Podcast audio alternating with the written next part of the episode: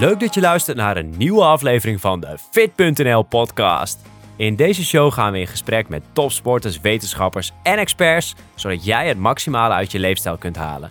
Ik ben je host van vandaag, Jeroen van der Mark, onderzoeker, coach en schrijver van Fit.nl. Vandaag gaan we het hebben over stoppen met roken. Hoe kan het dat nog zoveel mensen in Nederland roken? In 2022 rookte 18,9%, oftewel 1 vijfde van de Nederlanders van 18 jaar en ouder. En in 2014 rookte nog ongeveer een kwart van de volwassen bevolking. Kortom, een positieve trend, maar dit blijft een flinke maatschappelijke uitdaging. Maar niet alleen voor de maatschappij, maar ook natuurlijk voor een grote groep individuen die er liever van af zouden willen. En dit is makkelijker gezegd dan gedaan. We bespreken vandaag vragen zoals: hoe werkt een verslaving precies? Hoe kom je van af? En meer brede vragen zoals: werken accijnzen nou echt? En welk woord is volgens de gast van vandaag verboden als je het hebt over het stoppen met roken? We gaan hiervoor in gesprek met Millie Neumann van het Trimbos Instituut. Millie weet veel van dit onderwerp en richt zich met name op gedragsverandering. Ze heeft bijvoorbeeld samen met Europese collega's EU Quitlines opgericht om meer inzicht te krijgen hoe je moet stoppen met roken en hoe je dit het beste kunt aanpakken. En ze werkt ook voor de stoplijn te vinden op ikstopnu.nl. Kortom, Millie is de ideale persoon die begrijpt waarom dit zo uitdagend is voor de doelgroep, omdat ze direct in contact staat met mensen die willen stoppen met roken. Laten we gelijk van start gaan. Millie, bedankt voor je tijd en welkom in de show. Dankjewel. Leuk om hier te zijn. Ja, ik heb er eh, zin in via de digitale weg. We gaan het hebben over roken. Super interessant onderwerp waar ik eigenlijk wel meer over wil weten. En jij bent expert over dit vakgebied en dan vooral eh, stoppen met roken en blijvend stoppen met roken. Om even mhm. een beetje spannend te beginnen heb ik drie stellingen voor je. Ehm, en je kan, kunt antwoorden met uh, eens of oneens op de eerste stelling. En de eerste stelling is stoppen met roken is topsport. Eens. Ja, en dan laten we hem gelijk alvast even toelichten. Gaan we even de diepte in. Even de diepte in. Stoppen met roken vraagt om gedragsverandering. En gedragsverandering kost tijd, aandacht, motivatie. Dus dat zijn alle drie dingen die je nodig hebt uh, voor topsport. Ik, ik denk ook dat mensen het echt onderschatten. Maar daar gaan we straks even verder de diepte op in. Hoe, uh, hoe complex dat is. Um, dan een volgende, die hoor je heel vaak ook in de media en van vrienden en familie. En die zeggen, we moeten gewoon de prijs verhogen. Accijnzen moeten omhoog. Een pakketje of een, uh, pakje roken moet 20, 30 euro eh, worden en dan werkt het wel. Dan stoppen mensen vanzelf. Um, accijns verhogen, werkt dat wel of niet? Ja, het verhogen van accijns is de meest effectieve maatregel om roken te ontmoedigen. Dus het werkt zeker. Hmm. En als ik nu gelijk jou even een, een tegenstelling geef, maar het, het, drijft ook zeg maar mensen met misschien een klein budget alleen maar de armoede in. Dus is het eigenlijk wel zo effectief dan? Ja, als je de prijs omhoog gooit, dan gaat het aantal mensen dat rookt omlaag. Wat belangrijk hmm. is, is dat er ook goede uh, stoppen met roken zorg daarbij wordt gegeven. Dus mensen moeten weten wat effectieve eh, stopzorg is, rookstopzorg hmm. is. Um, en dat zou hand in hand moeten gaan met de accijnzen. Ja, precies. Maar laten we hem nog even, even verder nemen. Hè. We gaan nog niet naar de derde stelling, maar ik ben even benieuwd. Stel je, stel je voor dat je het pakje op 30 euro zou, zou zetten, hè, of 40 euro. En dan drijf je daar ook misschien wel een doelgroep de armoede in. Dat mensen echt bijna geen budget hebben meer voor gezonde voeding of voor zelfzorg of om de huur te betalen. Mhm. Dus zijn accijnzen dan misschien wel niet zo effectief als we eigenlijk denken? Accijnsen zijn zeker wel effectief. Alleen het punt is dat mensen uh, tabak of roken zien als een eerste levensbehoefte. Terwijl het feitelijk natuurlijk een verslaving is. Veel mensen denken van we hebben geld nodig voor tabak. Maar uh, eigenlijk zou je moeten kijken naar hoe kan ik iemand gezond houden? Hoe kan ik iemand gezond krijgen? En daarbij ondersteunen. Dus je moet eigenlijk niet iemand in het verdomhoekje zetten. Of misschien is die methode toch eigenlijk niet, toch, dat werkt toch niet. Dus er is wel een soort van sweet spot. Dan gaan we naar de volgende stelling. Stoppen met roken is meer fysiek of mentaal. En je mag er één kiezen. Dan zou ik zeggen mentaal. Ah, en, en waarom laat je fysiek? Want zeg je verslaving, dat zit in je hoofd. Nicotine is verslavend. Waarom zeg je dan toch mentaal? Ja, nou, mensen die uh, komen eigenlijk vrij snel van de uh, fysieke ontwenningsverschijnselen af. Niet bij iedereen, maar heel veel mensen wel. Dus met een paar weken is het zo dat de fysieke ontwenningsverschijnselen verminderen. Ehm, terwijl mentaal uh, heb je nog lang die sigaret vaak gekoppeld aan alle activiteiten waar je ooit bij hebt gerookt. Dus um, ja, ik zou zeggen mentaal. Ja, dus het is als je eigenlijk een pauze hebt, ga je even buiten staan of even een rondje wandelen. En dan koppelen mensen eigenlijk die gewoonte aan het roken. En dat zie je ook vaak met emotie eten. Bijvoorbeeld een bepaald eenzaamheidsgevoel. En dan ga je bijvoorbeeld even wat eten. Dus dat is eigenlijk die link die we leggen. Ja, ja het klopt inderdaad. Uh, al die koppelingen die wordt, worden gemaakt. Uh, s ochtends vroeg bij het opstaan. Uh, bij de koffie, bij de pauze. Bij het hond uitlaten. Bij ontspanning als je thuis komt. al die momenten die zijn heel erg bekend. En natuurlijk heb je fysieke ontwenningsverschijnselen. Maar die mentale, ja, daar, daar box je eigenlijk wel lang tegenop. En daar heb je gewoon een goed plan voor nodig. Ja, en wat dat goed plan is, daar ben ik uh, heel benieuwd naar. Maar laten we eerst even starten met de grootste valkuil. Want jij helpt mensen in de praktijk, uh, je biedt ondersteuning, maar jij duikt ook de wetenschap in. Uh, je organiseert met collega's om hier echt duidelijk mensen bij te helpen. Dus je bent er heel erg mee bezig. Super interessant, daarmee ben je ook te gast. Wat is volgens jou, als je mensen spreekt, de grootste valkuil die bij mensen, bij mensen roken niet bekend is? Nou, heel veel mensen die ons bellen, die zeggen: uh, Ik heb alles al geprobeerd, maar niks werkt. En uh, vaak komen ze dan met een hele opsomming van dingen die ze hebben geprobeerd. Um, uh, pleisters werken niet, lasertherapie werkt niet, allerlei dingen werken niet, terwijl ze zich niet realiseren wat effectieve uh, stoppen met rokenzorg is, hoe dat werkt en hoe je dat of zelf kunt inzetten of zeg maar kunt krijgen bij een zorgverlener of bij een hmm. stoppen met roken coach. Ja. ja. En uh, de valkuil die ik ook vaak tegenkom, is dat mensen zeggen: Ik hoop dat het gaat, gaat lukken ik hoop dat het gaat lukken. Terwijl je moet heel actief aan de slag als je wil stoppen met roken. Ja, dat is eigenlijk een beetje de hoop extern leggen. Dus ook met de pleisters. En ik snap wel dat ze bijvoorbeeld een nut, nut hebben in de interventie. Als we dus eh, stoppen met roken als interventie zien, hebben ze nut. Maar eigenlijk als je het woord hoop hebt, dan heb je eigenlijk al niet meer zoveel vertrouwen in eigen handelen. Dus ik zou, wij vragen mensen vaak als we iemand coachen, als we bijvoorbeeld een bepaalde gedrag willen veranderen, dus vaker ontbijten of bijvoorbeeld naar de sportschool gaan, dan vragen we hoeveel vertrouwen heb jij erin dat dit gaat lukken. Nou, als iemand dan tegen mij zegt ik hoop dat het gaat lukken, dan denk ik dat hij op een schaal van 0 tot 10 misschien al een 3 of een 5 geeft. En dan heb ik er eigenlijk al niet zo heel veel vertrouwen in. Dus dan maken we eigenlijk de verandering kleiner. Nou, en dat is dus lastig met roken, is je kan niet zeggen van nou, we gaan de verandering kleiner, we gaan de stap kleiner maken, want volgens mij is het cold turkey of niet? Nee, dat is niet per se zo. Uh, het is wel een, uh, een, manier die veel mensen graag uh, hanteren. Maar we weten uit onderzoek dat uh, eigenlijk de beste manier om te stoppen met roken is uh, stoppen met roken zorg. Dus gedragsmatige begeleiding bij het stoppen met roken. Uh, gecombineerd eventueel met nicotinevervangers of medicatie. En ook zeg maar nicotinevervangers op zich kunnen helpen bij het stoppen met roken. Alleen wat veel mensen niet weten is dat nicotinevervangers opplakken, bijvoorbeeld een pleister plakken, niet betekent dat de trek weg is. En dat is de veelgehoorde fout die wij vaak horen. Hmm. Ja. En, en wat zijn dan bijvoorbeeld zinnen of um, argumentatievormen dat iemand kan gebruiken, dat je zegt van oeh, dan heb ik er veel meer vertrouwen in. Dus wanneer is de kwaliteit van de motivatie uh, beter dat je denkt, oh, dan gaat het wel lukken?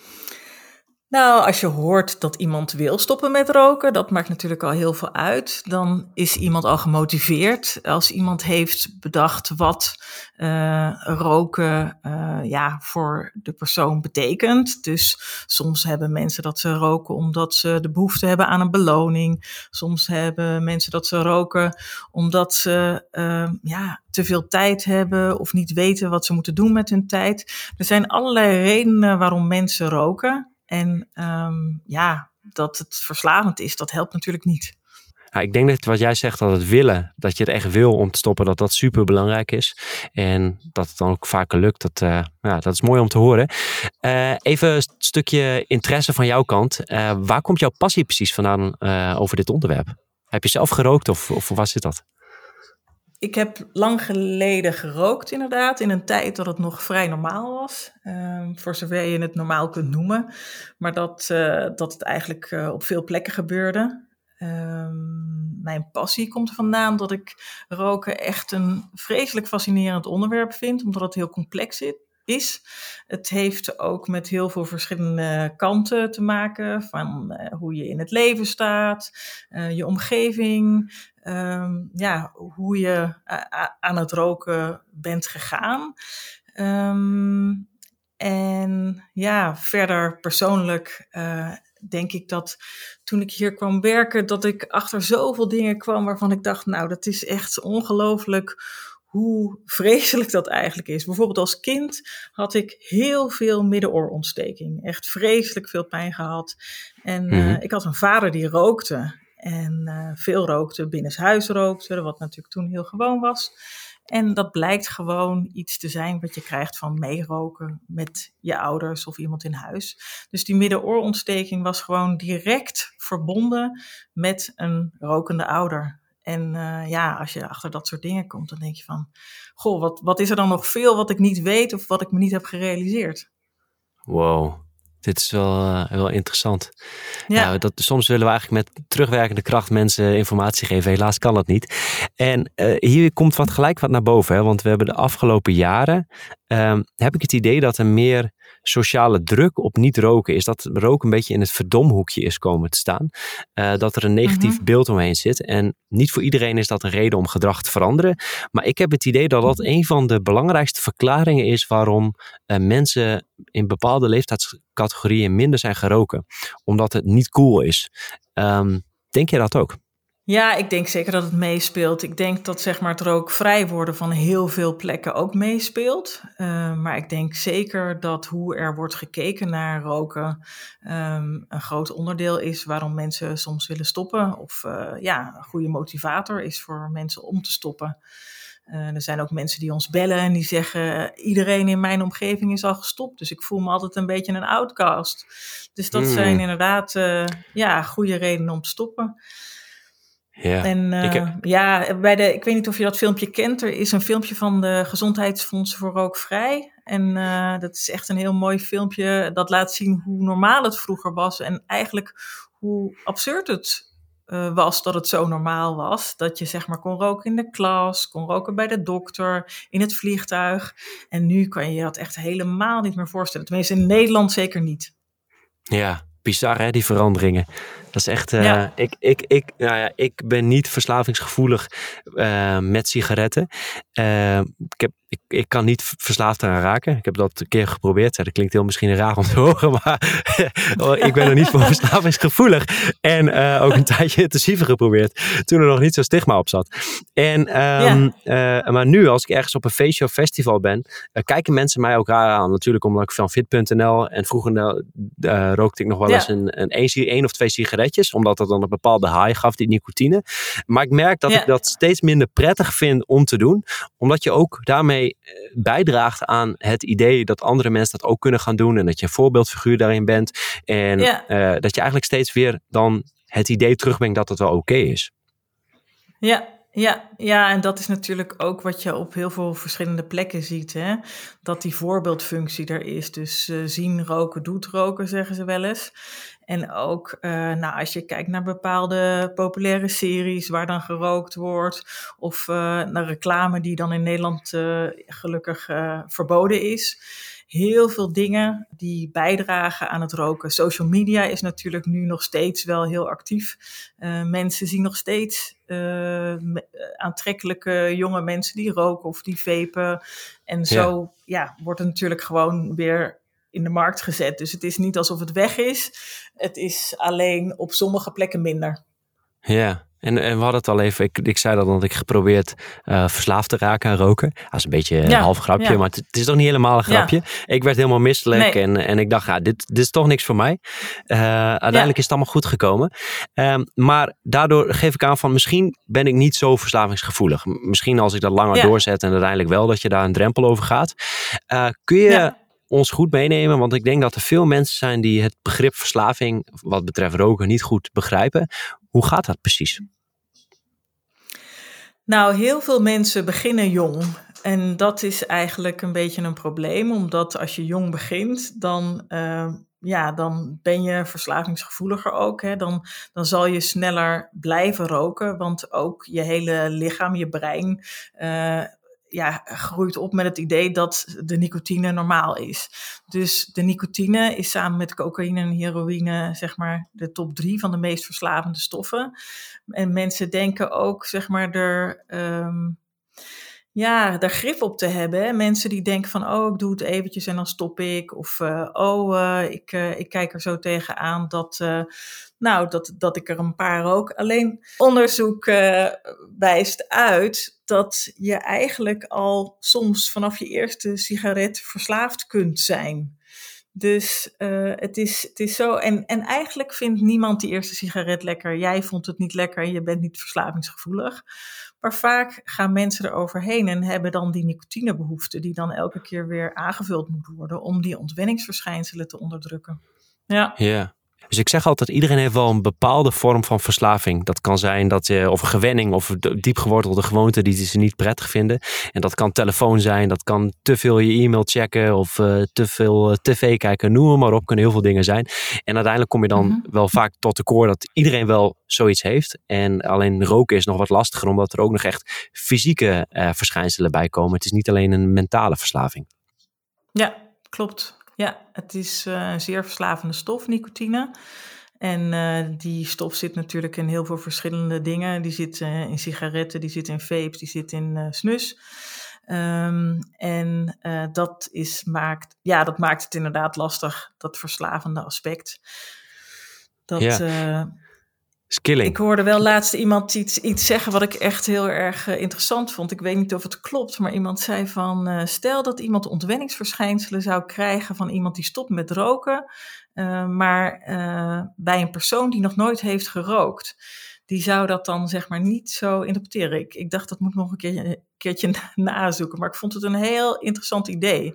Dat zeg maar ah. de ontwenningsverschijnselen door het feit dat je iemand bent die rookt uh, aanweziger zijn of opmerkelijker zijn omdat je hebt gerookt.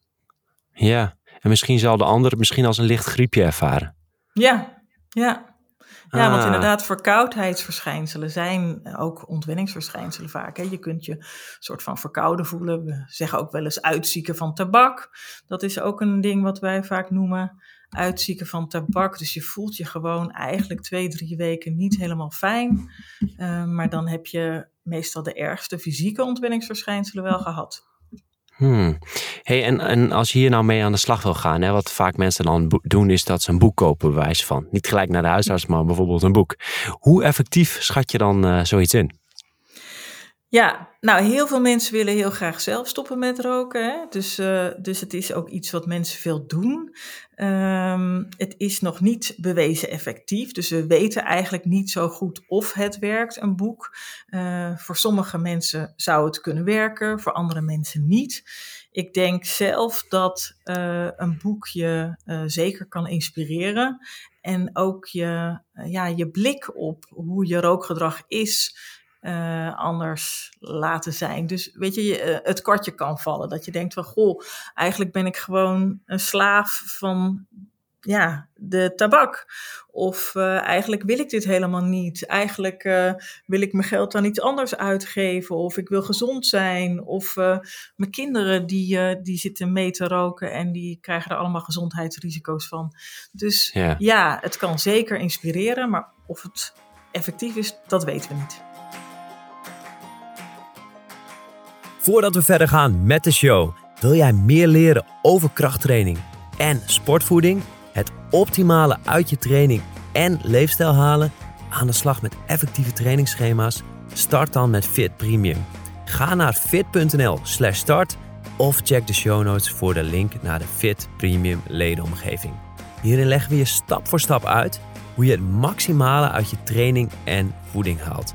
Met complete cursussen en schema's gebaseerd op de laatste wetenschappelijke inzichten. We gaan onder andere uitgebreid in op alles dat jij moet weten en je vindt de beste trainingsschema's met meer dan 100 opties voor zowel thuis als in de sportschool. Plus een uitgebreide community met advies van een team van professionals. Ben je benieuwd? Ga naar fit.nl/start en start vandaag nog of ga naar de show notes voor de link.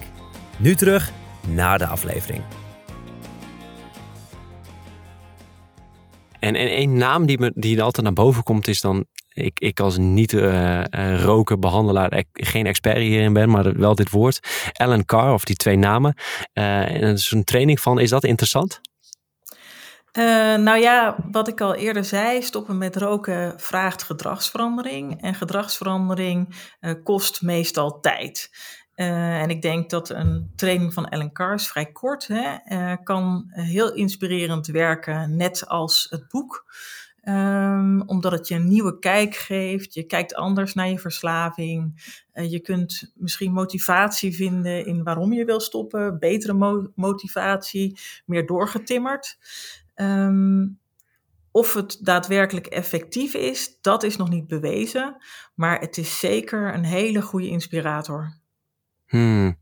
Wat ook lastig is, hè? want wij bijvoorbeeld met leefstijlinterventies weten we eigenlijk nog niet heel erg goed uh, wat precies werkt. En misschien is de omgeving wel veel dominanter of is de genetische aanleg en ja, werkt een interventie lang niet altijd. Dus is, is er bij roken heel veel onderzoek en ook echt duidelijk onderzoek bekend welke interventie nou echt goed werkt? Nou, de gedragsmatige begeleiding, dat is wat heel goed werkt. Uh, dus dat is bewezen effectief. En uh, dat is wat we eigenlijk ook altijd aanraden. Ja. Alleen het punt is, je hebt zeg maar uh, evidence-based uh, yeah. manieren van stoppen met roken en je hebt preference-based manieren van stoppen met ah. roken. Dus, dus dat iets zeg maar goed is en goed doortimmerd is, goed onderzocht is en goed werkt, wil nog niet per se zeggen dat het aansluit bij de persoon die graag wil stoppen met roken. Ah ja, want misschien zit iemand helemaal niet te wachten op een gedragsmatige aanpak. Ja, ja, en het ja. is ook zo dat heel veel mensen gewoon sto zelf stoppen. Hè? Dus het is niet zo dat mensen dat niet zouden kunnen.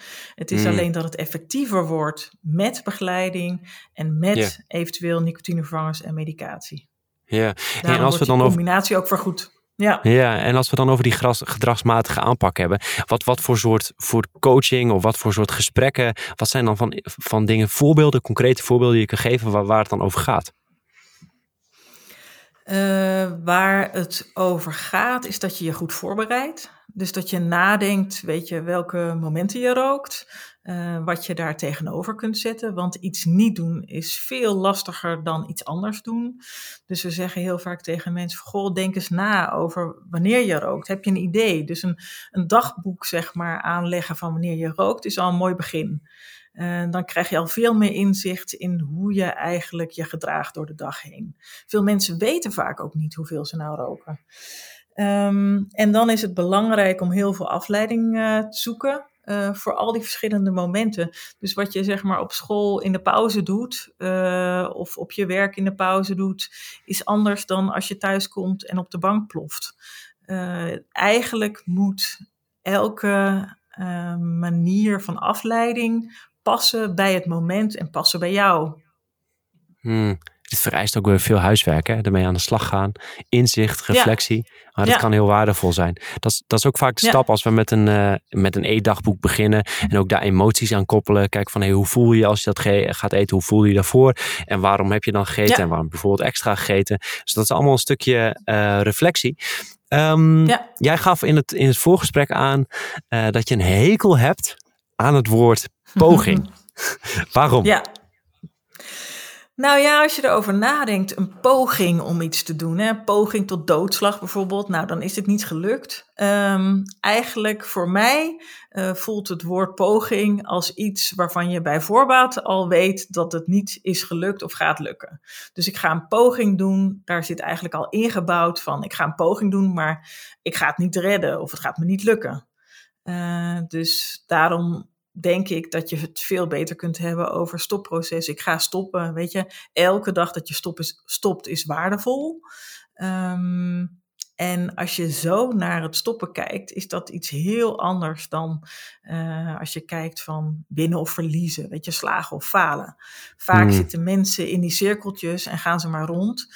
Uh, ze doen een poging, ze falen, ze voelen zich uh, somber omdat het niet is gelukt. En ja. dan hebben ze minder motivatie om verder te gaan met stoppen. Ja, Dus eh, ja, ik, ik zou zeggen, noem het een stopproces. En realiseer je ook dat het niet altijd één rechte lijn is.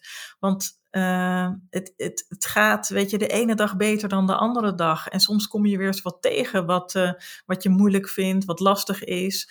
Of ja, waar je nog gewoon iets te leren hebt.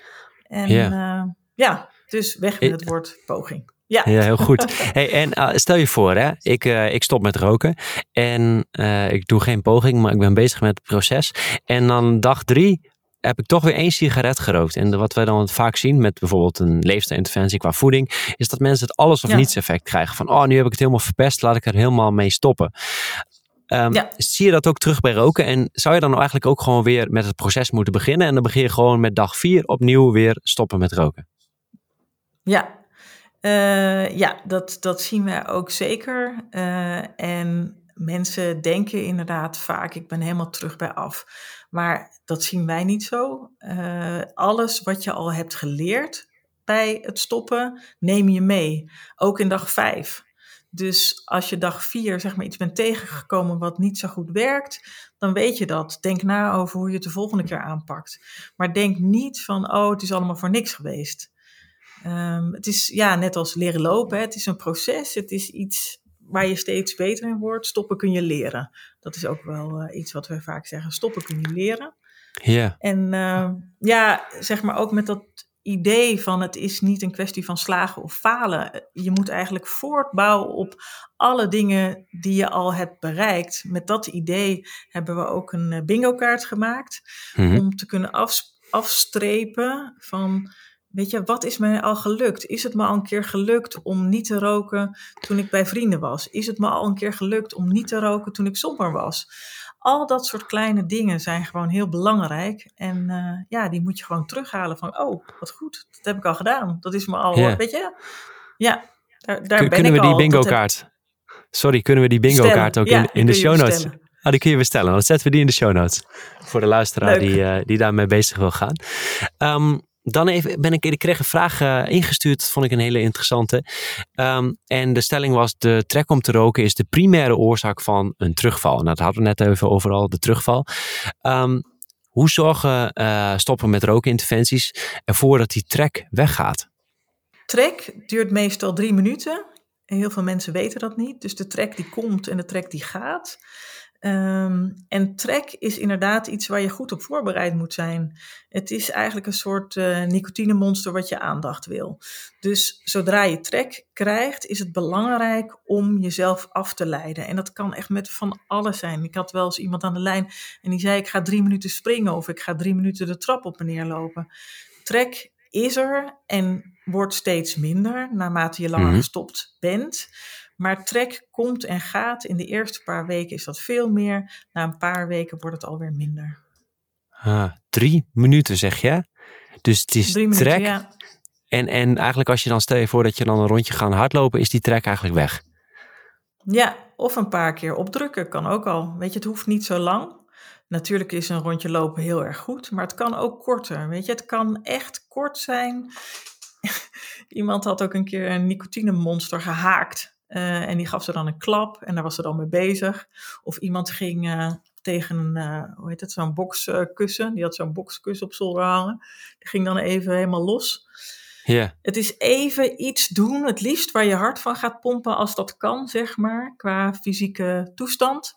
Ehm, wat je afleidt en ja, wat je gewoon weer verder brengt. Dat je voorbij die drie minuten eh, brengt. Want we hebben ook vaak mensen aan de lijn en die bellen omdat ze trek hebben. En dan na het Ja. gesprek is het alweer weg. Als je het een uur uit kunt stellen, bij wijze van spreken, dan is het alweer gezakt. ah, maar is het dan niet zoiets als bijvoorbeeld, want je kan best wel zijn dat als je elke keer die trek uitstelt, dat je heel erg honger krijgt. Laat ik nu even de metafoor of de ehm, nemen met, vo- met voeding. Dus dat je die, Ja. die lijn doortrekt. Dat je zegt van nou, elke keer als ik het uitstel, krijg ik steeds meer, eh, krijg ik steeds meer honger naar die sigaret. Eh, is dat niet zo? Kun je die metafoor niet, niet stellen ook eh, in relatie met roken?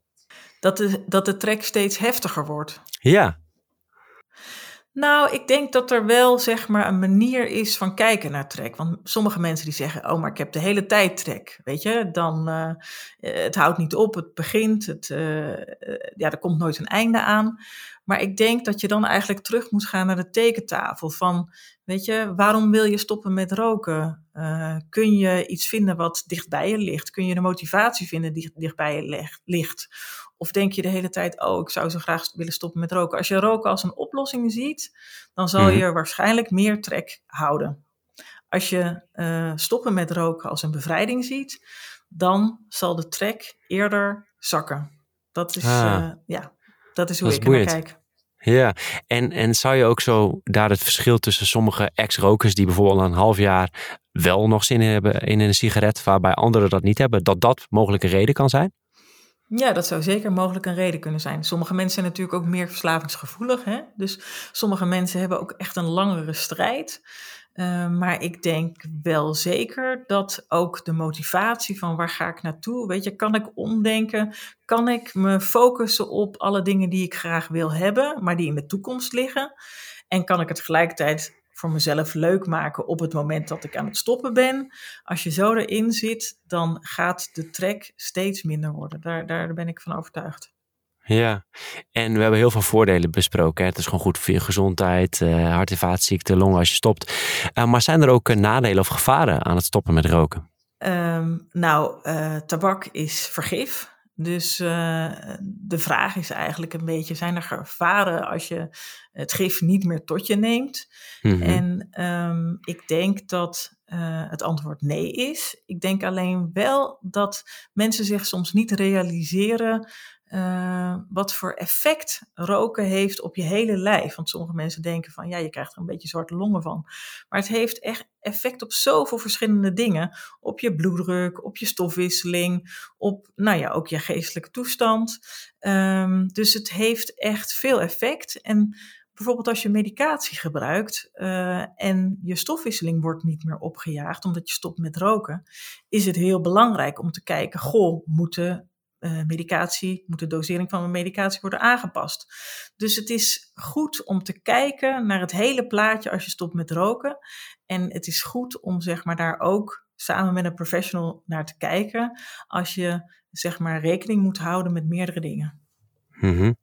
Ja, ik denk dat er, eh, er zitten tien keer zoveel voordelen aan. Als ik nog één nadeel zou moeten bespreken, is misschien de relatie met eten. Dat je som, bij sommige mensen toch nog wel een gewichtstoename ziet. Maar die is veel minder schadelijk als het stoppen met roken. Dus dan zou ik gewoon daarvoor kiezen.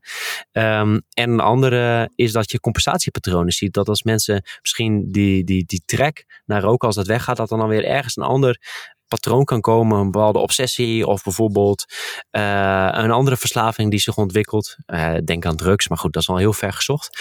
Um, maar goed, dat, dat zijn dingen waar je ieder geval rekening mee moet houden. Dat je ook als roker misschien op andere vlakken een compensatie kan krijgen. En dat je daar in ieder geval van bewust bent.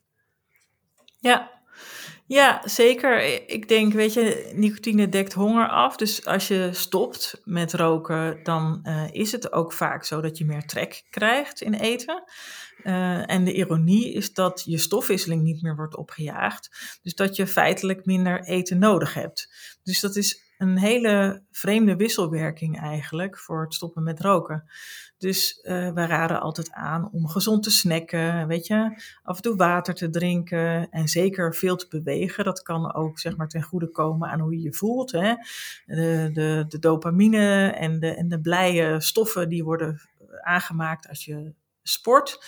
Uh, die kan je goed gebruiken als je stopt met roken.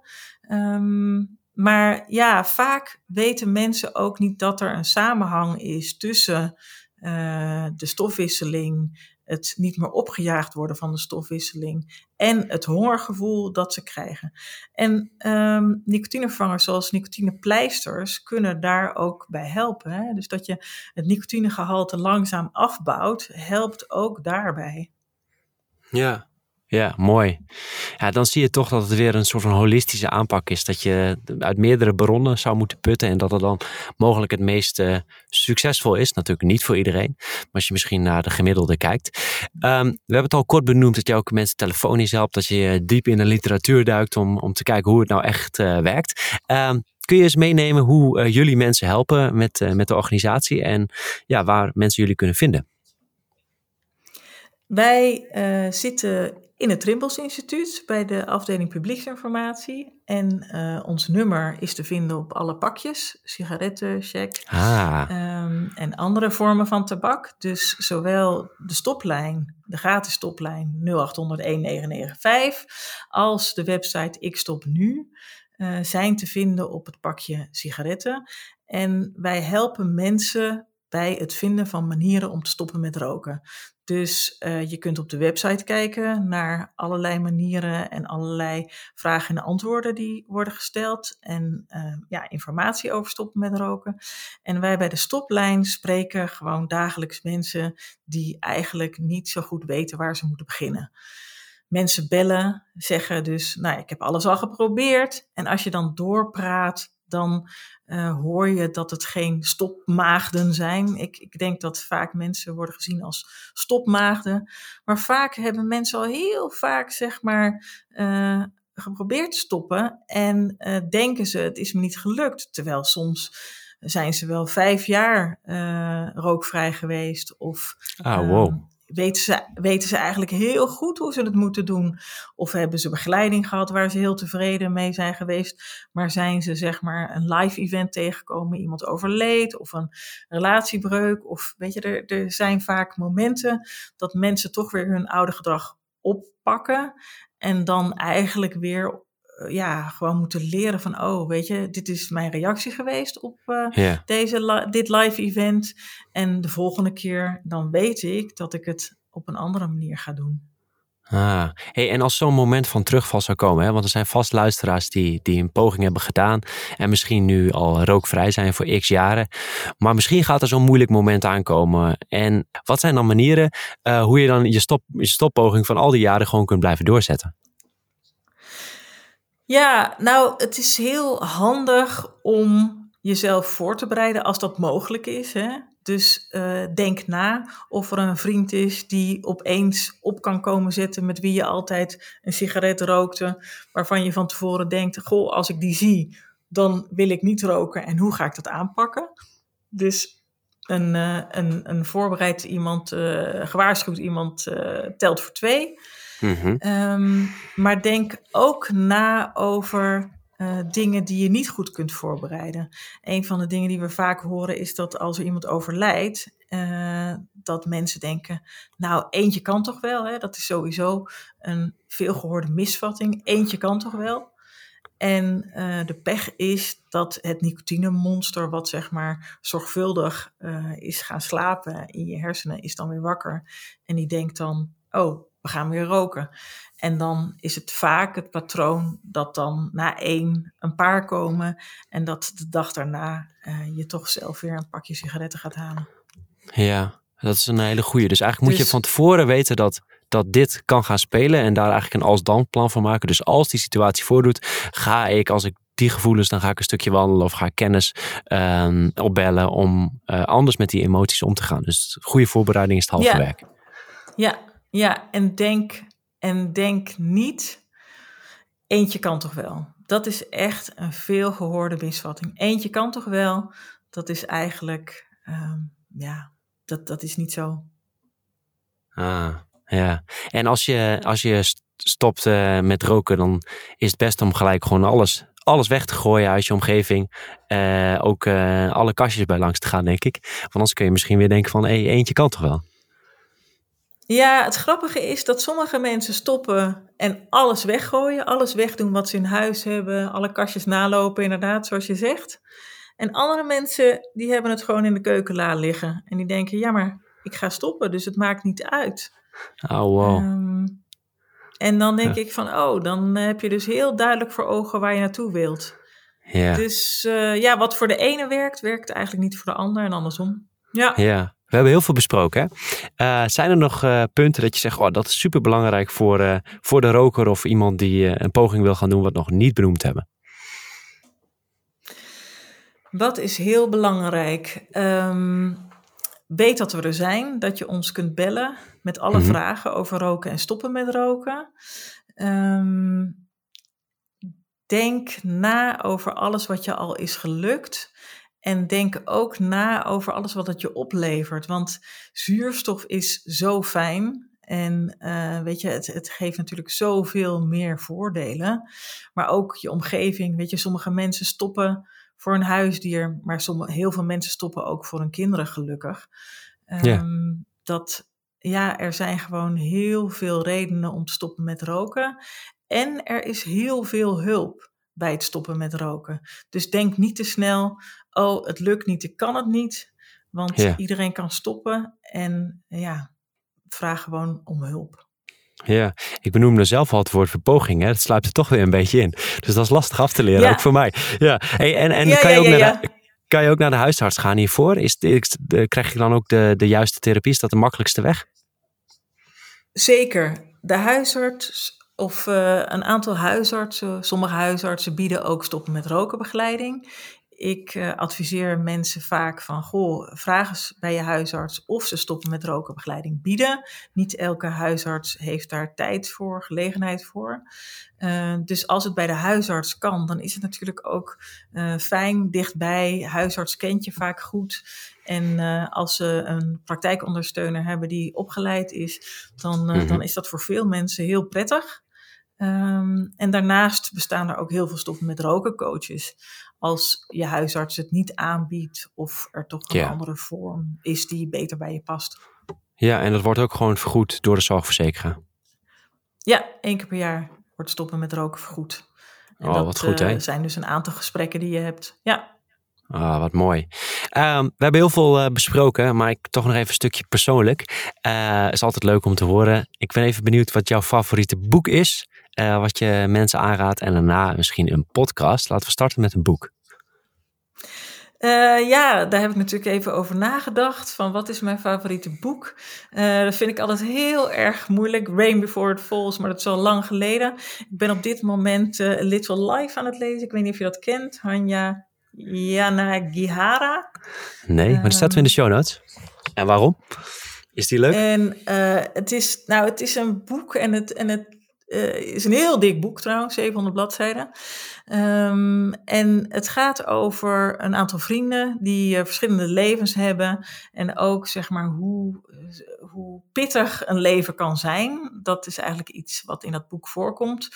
Maar ook hoe uh, belangrijk en uh, fijn het is om, weet je, goede vrienden, goede zorg, uh, goede omgeving te hebben die jou kan helpen en zeg maar ook je op een hoger plan kan brengen. Um, ja. Dus het is, het, ja, ik vind het een heel mooi boek. Het is niet altijd een even blij boek, maar het is wel een heel mooi boek. Um, en, en het geeft heel veel menselijke aspecten weer. Van, uh, van hoe complex mensen eigenlijk zijn en hoeveel uh, aspecten invloed hebben op je leven. Ja, ik denk dat het heel belangrijk is. Ik heb vaak het idee dat we altijd maar denken dat bij de andere gras groener. Maar dat, dat we denken van, oh, het is, dat we soms vaak die zelfcompassie een beetje vergeten. Uh, en te hard ja. voor onszelf zijn. Dus ik denk dat ook met stoppen met roken, um, die zelfveroordeling, ook als het een keer niet gelukt is, dat je gewoon weer een nieuwe poging kan doen. En dat je ziet dat andere mensen het ook lastig hebben. En daardoor ook wat liever bent voor jezelf. En als je door wat liever bent, dat misschien ook gedragsverandering makkelijker gaat. Um, omdat je jezelf niet zo veroordeelt. Ja. ja, weet je, de tabaksindustrie wil je graag als klant houden. Dus uh, um, ik, ik zeg altijd van, uh, weet je, richt je woede tegen de tabaksindustrie en wees mail tegen jezelf. Want je bent ja. verslaafd gemaakt in veel gevallen. Hè? Ze willen graag dat je verslaafd bent. En, uh, en, en wij willen heel graag dat mensen rookvrij worden. Dat mensen loskomen van die verslaving en zeg maar kunnen genieten van de zuurstof. Ja, ja, dat was dus een dikke pil die je aanraadt. Heb je ook een, een podcast die je luistert of een podcast die je zegt die hierop bij aansluit? Dat je zegt, oh, dat is leuk voor de luisteraar. Ik vind de podcast van Simon Sinek heel erg leuk. En uh, Simon Sinek, die, die heeft uh, zeg maar een serie podcasts gehad, Little mm -hmm. Optimism, uh, Bit of Optimism. een klein beetje optimisme. het, is, het, is, het is vaak niet dat alles goed gaat, dat alles lukt, dat, dat het leven helemaal geweldig is. Maar een beetje optimisme kan iedereen wel gebruiken. En dat is eigenlijk wat hij in zijn podcasts elke keer benoemt bij allerlei gasten. Um, en ja, dat, dat, dat motiveert. Ik vind dat heel erg mooi. Een van de dingen die hij ook zegt is: we hebben yeah. planken vol met boeken met zelfhulp. En mm -hmm. uh, zou het niet mooi zijn als er ook een plank zou zijn met uh, anderen helpen? Dus boeken over hoe je anderen goed kunt helpen. Ja. Uh, en, uh, en ik denk dat dat zeg maar ook echt iets is bij het stoppen met roken. Als er iemand is in je omgeving die wil stoppen met roken, weet je, bied je hulp aan. Zeg van, weet je, je kunt me bellen, je kunt me appen op een moeilijk moment. Er zijn bijvoorbeeld ook bij uh, nou, allerlei apps. Uh, we hebben voor jongvolwassenen hebben we de app Quiddy bijvoorbeeld. Dat mm -hmm. is ook met een buddy systeem. In België hebben ze Buddy Deal, waarbij een iemand die niet rookt iemand kan helpen die wil stoppen met roken. Dus dat je eigenlijk een soort van deal met elkaar sluit. Goh, als jij nou een maand niet rookt, dan uh, ruim ik een maand de vaatwasser uit. Of ah, uh, weet goeie. je, wat je ook maar kunt bedenken. En, en dat je zeg maar samen ervoor zorgt dat iemand gedra zijn gedrag kan veranderen. Want het is inderdaad gewoon knokken. Het is echt strijden. Ja, ik vind het heel mooi wat je, wat je hiervoor zei.